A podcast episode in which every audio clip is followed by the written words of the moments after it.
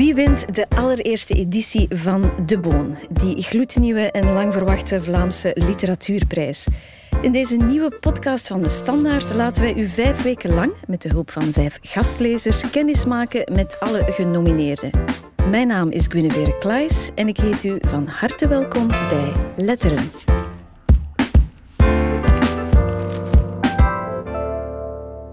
De Boon bekroont vanaf nu elk jaar het beste Nederlandstalige boek in twee categorieën nog wel. Er is De Boon ter waarde van 50.000 euro voor fictie en non-fictie en er is De Boon ook al 50.000 euro waard voor kinder- en jeugdliteratuur. Voor die kinder- en jeugdboon maakt onze huisspecialiste Vele van den Bos ons straks warm.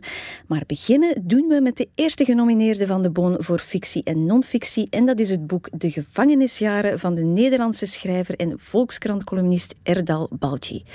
Bij mij zit Anne Olaerts, columniste van ons eigen magazine, en zij neemt ons mee in het eerste genomineerde boek. Hij wilde haten. Maar hij wist niet wie hij moest haten. Om daarachter te komen moest hij eerst over de schaamte heen stappen en praten over zijn ellende. Ik deed een poging om de sfeer rustig te houden en zei dat we misschien al te serieuze zaken moesten overslaan. Grote openbaringen kunnen vriendschappen schaden als niets anders.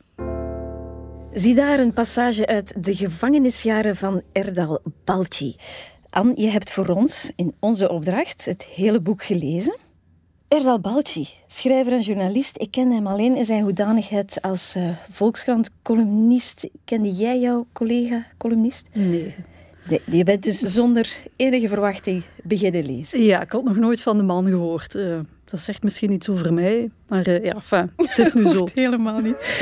nu, De Gevangenisjaren is een autobiografisch boek. Misschien moet je eerst even vertellen waar het over gaat. Wel, het gaat over de, de schrijver zelf, want het is autobiografisch. En hij komt als jongetje van elf uh, naar Nederland. Um, en hij gaat in Utrecht wonen. Dus het is, het is een, een, een, verhaal van gezinshereniging. Dat je dat soms in de krant leest. Van eerst zit die moeder met haar vijf kinderen uh, in Turkije in een of ander uh, koud dorpje. platteland, ruraal, koud in de winter. Veel klachten toch ook daar. En dan, die vader werkt al in Nederland en die komt af en toe op bezoek. Uh, dat is ook geen groot succes als die op bezoek komt dan toen, uh, in Turkije. En dan uiteindelijk gaan ze dus met z'n allen naar Nederland. Ze gaan uh, in, in Utrecht wonen. En dan begint het dan, dan, groeit hij op en, en er is een, een vriendengroepje uh, van ook allemaal jonge mannen die ook geëmigreerd zijn en ook in Nederland wonen, waar je dan alles over te weten komt. En dan, ja, de schrijver zelf uh, is eigenlijk niet tevreden over hoe het gaat en hij voelt zich niet goed. Uh, in Nederland niet en in die Turkse gemeenschap eigenlijk ook niet. En het is zo, hij zoekt een weg om daarmee om te gaan, denk ik. Mm. En dan, uh, dan wordt het ook nog, uh, in mijn ogen, nog flink gelardeerd met de vleeselijke verlangens, zal ik zeggen. Dus oh, hij, ja. hij, hij, snakt naar vrouwen en um, dat speelt ook wel een rol. Mm -hmm. Nu, omdat die, de gevangenis in de titel verwijst naar de gevangenis zoals hij die ervaart, in die aardsconservatieve, toch wel Turkse migrantengemeenschap daar in Utrecht. Of ik begrijp het dat hij daar verlangt te vertrekken uit dat arme, uitzichtloze dorpje in Noordoost-Turkije. Hij denkt, ik kom in Nederland in het hart van de Europese moderniteit. En dat valt heel erg tegen natuurlijk, want dan moet hij plots naar de Koranschool. Zijn ouders beginnen vijf keer per dag te bidden. Dus daar komt hij pas echt in een gevangenis terecht, hè? Ja, hij noemt het dan een gevangenis, maar ik vind dat al... Ik vind, ik, ja, ik, mocht je daar iets van vinden? Dat is ook iets wat, wat in het boek vaak terugkomt. Uh, iedereen heeft altijd een oordeel klaar. En hij leidt daar heel erg onder. Dus hij leidt onder het Nederlandse oordeel ten opzichte van hem als Turk. En hij leidt onder het, de mal die op hem ge, wordt, ge, wordt, ge, wordt gedrukt. En, en in Nederland moet hij dan nog Turkser worden dan hij eigenlijk ooit was. Mm -hmm. Het heet, het heet, de gevangenisjaren, maar ik, ik vind dat nu overdreven. Als ik -hmm. mag oordelen, wat ik eigenlijk niet mag, heb ik misschien wel geleerd uit het boek dat je toch moet voorzichtig zijn met wat je allemaal denkt of wat jij vindt. -hmm. Ik heb wel een beter inzicht gekregen in wat westerlingen dan in het ja. algemeen allemaal, hoe dat die reageren op mensen en hoe moeilijk dat is. Dat vond ik wel interessant, om dat zo eens langs zijn kant te zien. ik, ik begreep de tweespalt wel, maar zo spectaculair vond ik die gevangenis. Nee, misschien is dat ook typisch maar ik zeg het, ik denk dat vrijheid het meest gebruikte woord in het boek is. En je leest eigenlijk over die hele lange ontsnapping uit culturen. Hè? Dus hij voelt zich hè, door Nederland bekeken. Want zeker dat het einde toe leest het bijna als een biecht als hij begint te werken als journalist. En hij laat zich, hè, zo voelt hij dat toch, omkopen om van die vrolijke, optimistische reportages te schrijven over de multiculturele samenleving, succesverhalen. En hij zegt van ja, eigenlijk zo'n multiculturele samenleving kan geen succes zijn zolang, wij, zolang die toestaat dat bepaalde mensen in die gemeenschappen, vrouwen dus vooral, onder druk blijven worden. Dus hij, ja, is, is, is heel kritisch voor die multiculturele samenleving. Dus hij is in dat opzicht een beetje een luis in de pels. Hè. Dus hij probeert daar overal in die rollen waarin hij geduwd wordt te ontsnappen. Ja, er zijn een hoop rollen uh, waar hij in geforceerd wordt of waarin hij zich laat forceren. Ik weet het niet precies. Maar ik had bij het lezen van het boek ook het gevoel van... Ja, maar, ja, maar, ja, maar. Jij zit eigenlijk ook voor een stuk je eigen vijand. En jij zit iets aan het bekampen wat veel dichter bij u staat en wat misschien toch minder te maken heeft de hele tijd met wat anderen van u verwachten en wat de commentaren en zo. Dat is zo gelijk... Ik had een, een, vriend en die zei: uh, Ja, ik ga nooit op vakantie, want het probleem is eigenlijk dat ik er zelf altijd bij ben. En dat is dan toch niet op vakantie gaan. En dat, heeft, dat, dat, dat, dat gevoel ik bij hem ook dikwijls, dat hij draait zo rond een zwart gat heen en hij ziet overal de oorzaken van zijn eenzaamheid en zijn verdriet. Maar het is heel erg ook hij. Mm de gevangenisjaren. En er zijn veel mensen die... Allee, ze zeggen dat ook altijd. Je bent zelf uw grootste vijand. Er is geen betere vijand dan jijzelf. En misschien is hij, ja, als het dan de gevangenisjaren heet, misschien is hij dan wel zijn eigen cipier. Zij moet vooral ontsnappen aan zichzelf. Eigenlijk. Voor een stuk. Mhm. En de eenzaamheid is ook. Want ik denk wel dat die eenzaamheid. Het spreekt heel veel eenzaamheid uit. En die voelde ik ook wel van, ach, wat jammer. Zij zoekt toch naar liefde, want daar komt het eigenlijk op neer. Hè? Het is de moeder die hem te weinig graag heeft gezien. Zijn vader die hij heeft gemist. Uh, het is eigenlijk, ja, dat zoekt hij dan inderdaad bij heel veel vrouwen. Uh, die, die ja, onuitputtelijke, onverzadigbare liefde. Ja, dat is zo mijn ding niet, om zo die wilderigheid en, en die neus in die haren en, en zo. Dat is zo mijn dat kan mij echt niet bekoren. Zo, zo van die...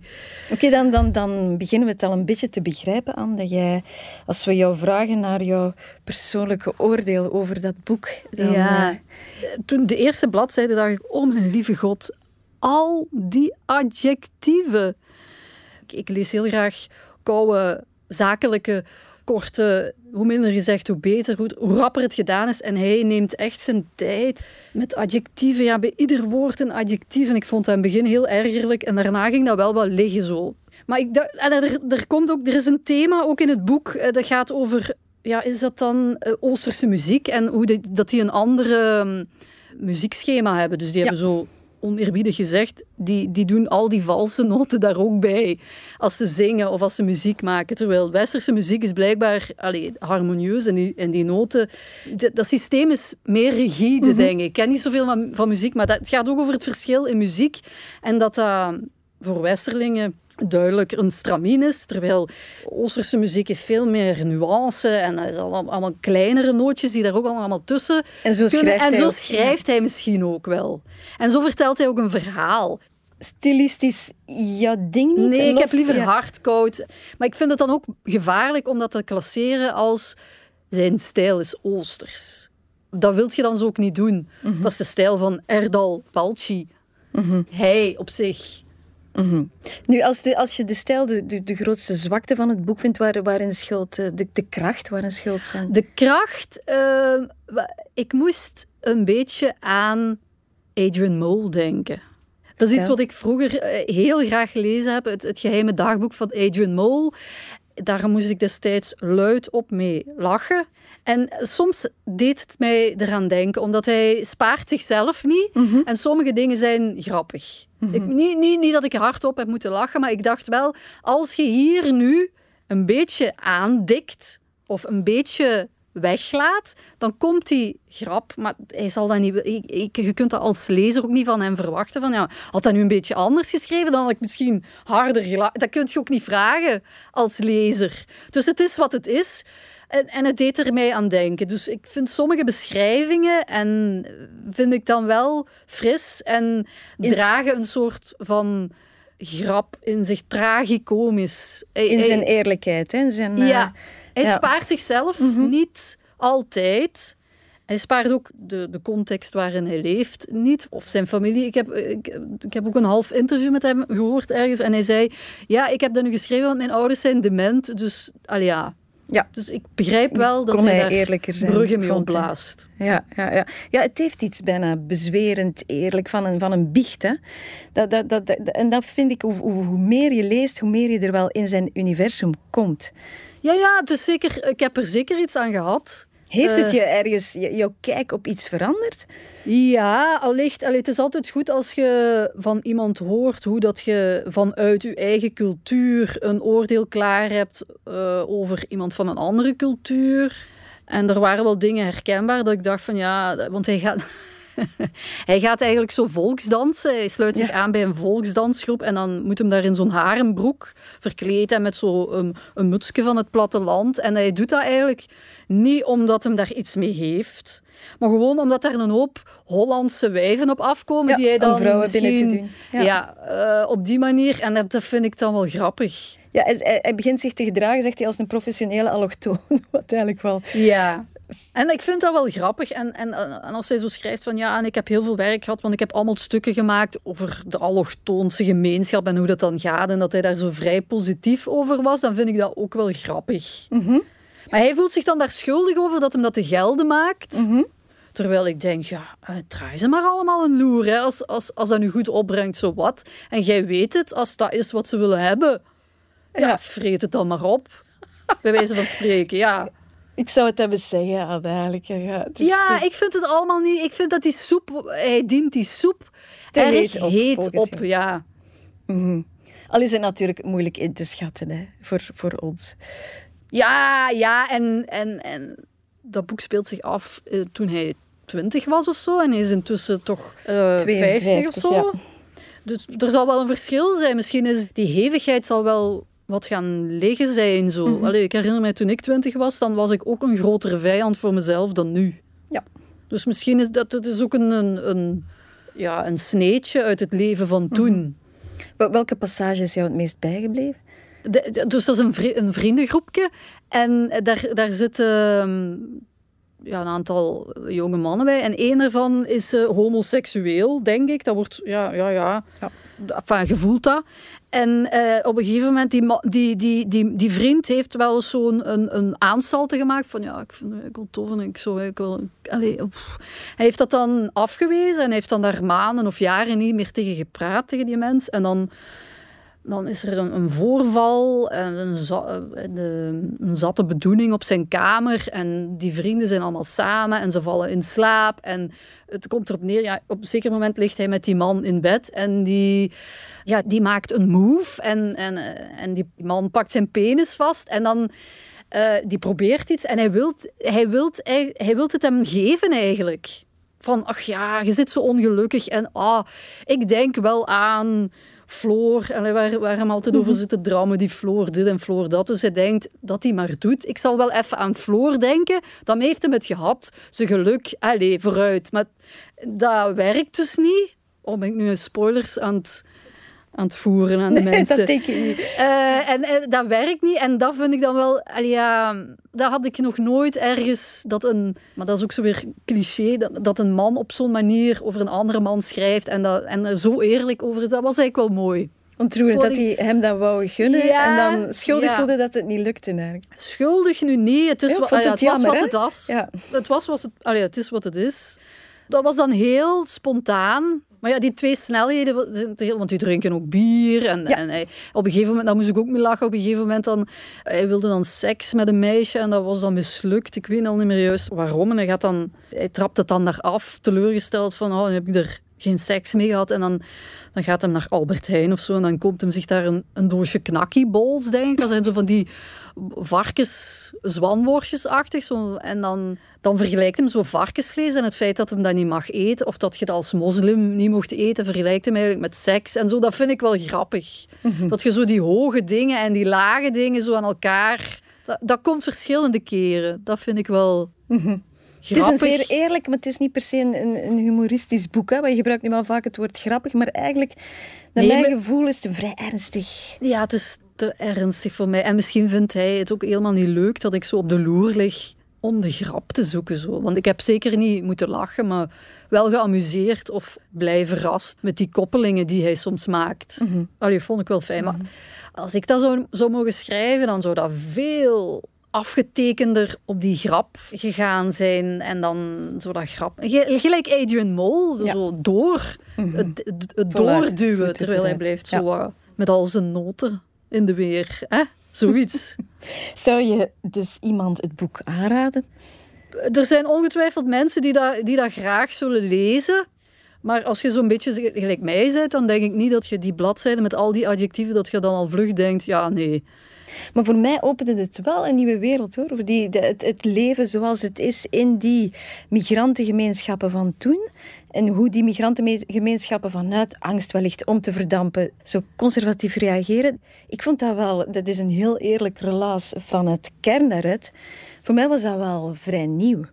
Ja, ik was wel verbaasd. Ja, dat, dat- je staat daar niet bij stil. eh, dat, die, dat die kinderen, die komen dan uit een vrij liberaal dorp ergens in, eh, in Turkije. Waar, waar, niet waar die hotels allemaal zijn, of niet Istanbul. Ook zo dat, dat het daar zo heel koud is. Ijskoud. Want dat is mij bijgebleven dat ze krantenpapier onder hun kleren steken Ja. om de wind tegen te houden. Ja, voor mij Turkije, dat is zo Kusadassi en, en Istanbul en, en lekkere hapjes en zo. Dat, dat is ook vrij beperkt. Alles behalve hè, waar hij opgroeit. Ja, eh, en zo zijn er nog dingen. Maar ja, ik vind ook zo de remedie tegen zo racisme en culturele oordelen en zo is ook van iedereen zo één per één te zien. Ja. Dus niet de Turk. En, en ik vind dat dan wel fijn dat je ook merkt dat al zijn vrienden zijn gewoon iemand anders. Het zijn dan wel allemaal Turkse mannen of die hebben allemaal dezelfde achtergrond, maar je ziet zo die diversiteit onder die Turken. Dat vind ik, allee, dat wordt misschien te weinig. Allee, als Turk of als Marokkaan word je altijd in hetzelfde hok geparkeerd. Maar dat is dan helpt toch zoiets? Ja, dat is Ja. waar, dat is Ja. waar. Dat is waar. Maar Het onderwerp op zich is heel nuttig. nuttig. Ook al een humoristisch woord. Ja, ja, ik Ja. Dat, dat mensen, daar is te weinig. Ik, Ja. Dat is ook omdat ons, ons landschap van media en literatuur en op televisie is ook heel mager uiteindelijk. Hè? Of eenduidig. Ik zag ook waarom ik dan toch zelf wel dankbaar was om het te lezen. Als je mij niet had gevraagd van lees dat boek, had ik dat nu niet gelezen. Zeker, ik, ik zou het ook niet gekocht hebben, denk ik. Maar dan... Maar ik ben wel blij dat... Ja, ik heb het nu helemaal gelezen. Hoe moet ik het zeggen? Het is geen verspilling of zo. of, want ja, ik, ik ben als de dood voor tijdverlies. Hè. En dat is het toch niet geweest? Nee, hoop- uiteindelijk niet. Nee, nee, nee. Ik dan heb ik ergens al een beetje het antwoord op onze vaste slotvraag hier. Moet er dat baltje de boon winnen? Ja, dat weet ik eigenlijk niet. Wat, wat eh, die andere mensen, eh, hoe zit het ermee? Eh, wat, wat, Dat wat, ik kan me, dat, ja, wat moet je daar nu, wat moet ik daar nu over Puur op zeggen? basis van lezing van dit boek zou je het hem gunnen, dat ongetwijfeld. Ja, 50.000 euro, dat is leuk, hè? Natuurlijk. Maar die andere... Ik, ik zou nu geneigd zijn van... Als ik in de jury zat, dan zou ik wel denken... Ja, waarschijnlijk toch iemand anders. Maar wie weet... Het is ook subjectief, hè? Als jij graag weelderige zinnen leest eh, en, en een verhaal helemaal uitgesponnen... Als jij daar geen probleem mee hebt... Ça va, hè? het, is, ook- het is ook wat ik ben, of wat ik... Ja. Dat is Ja. duidelijk. Zie, Anne Olaerts, veel dank voor jouw heldere, ook gedecideerde leesverslag. Dank je wel. Alsjeblieft.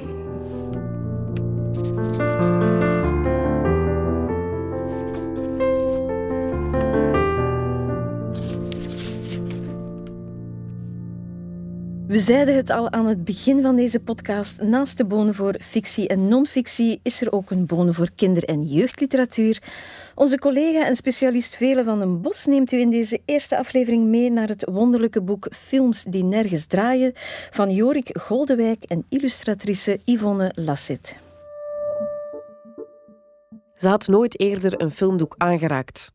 Maar ze wist heel zeker dat ze niet zo hoorde te voelen als dit. Heel voorzichtig stak ze haar vinger uit en raakte het opnieuw aan. Het doek leek wel vloeibaar te zijn, alsof ze haar vinger in een plas melk stak. En zodra haar vingertopje met het doek in aanraking kwam, schoot er een golf door haar heen die al haar spieren liet samentrekken en haar hart een schop gaf. Als schrikdraad, maar dan nog veel erger. Terwijl ze haar vinger terugtrok, zag ze een rimpeling door het scherm gaan. Ze bestudeerde de hoeken van het scherm, gluurde achter de gordijnen, maar ze kon niks vreemds ontdekken. Dit was een fragmentje uit Films die nergens draaien van Jorik Goldewijk. Het hoofdpersonage van dat boek is Cato. En Cato is twaalf en een beetje raar. Tenminste, dat is wat haar klasgenoten vinden, omdat ze altijd twee verschillende sokken draagt. Soms links een staart en rechts een vlecht heeft, of als zombie geschminkt naar de school komt. Ehm, maar het punt eigenlijk is dat ze eenzaam is. Ze heeft niet veel vrienden. Haar moeder is gestorven toen ze werd geboren en haar vader gaat nogal afwezig door het leven. Meestal lijkt hij haar zelfs amper op te merken. Nu, dat klinkt heel erg uh, kommer en kwel, maar het is zeker geen kommer en kwel boek. Um, op een bepaald moment krijgt Cato een visitekaartje in handen dat een heel geheimzinnige boodschap heeft. Mevrouw Kano's bioscoop staat daarop films die nergens draaien, maar die je altijd al had willen zien. Het klinkt heel spannend, dus ze gaat op onderzoek uit en ze belandt in een leegstaande bioscoop bij een excentrieke vrouw die haar prompt inhuurt als hulpje. Niet dat ze veel werk heeft, de deuren worden ook niet platgelopen. Er is iets vreemds aan de hand met die bioscoop, want er komt telkens maar één bezoeker per voorstelling. Cato heeft dan ook al snel in de gaten dat mevrouw Kano iets anders doet dan gewoon films draaien, maar dat ze die mensen helpt om een dierbare herinnering opnieuw te bezoeken. En dat zet haar natuurlijk aan het dromen, hè? want wat als ze nu haar eigen moeder zou kunnen ontmoeten?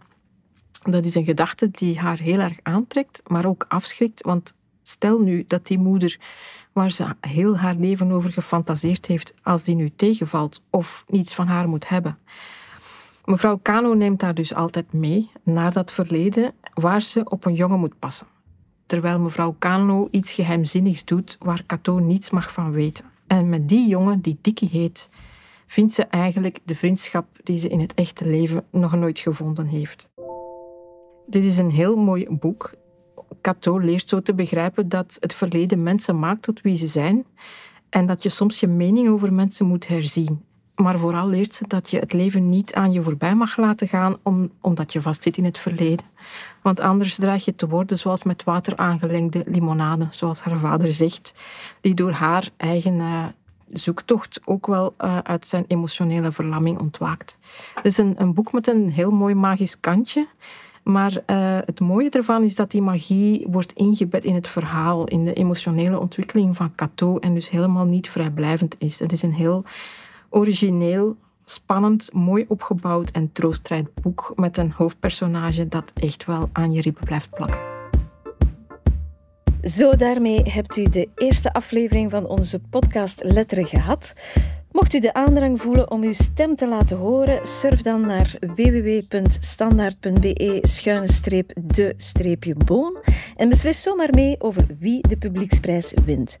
Aarzel niet, u kunt er een schrijver en ook heel wat potentiële medelezers gelukkig mee maken. Volgende week zijn we terug. Dan komt Wouter de Pre ons vertellen over de pool van Pauline de Bok. Graag tot dan.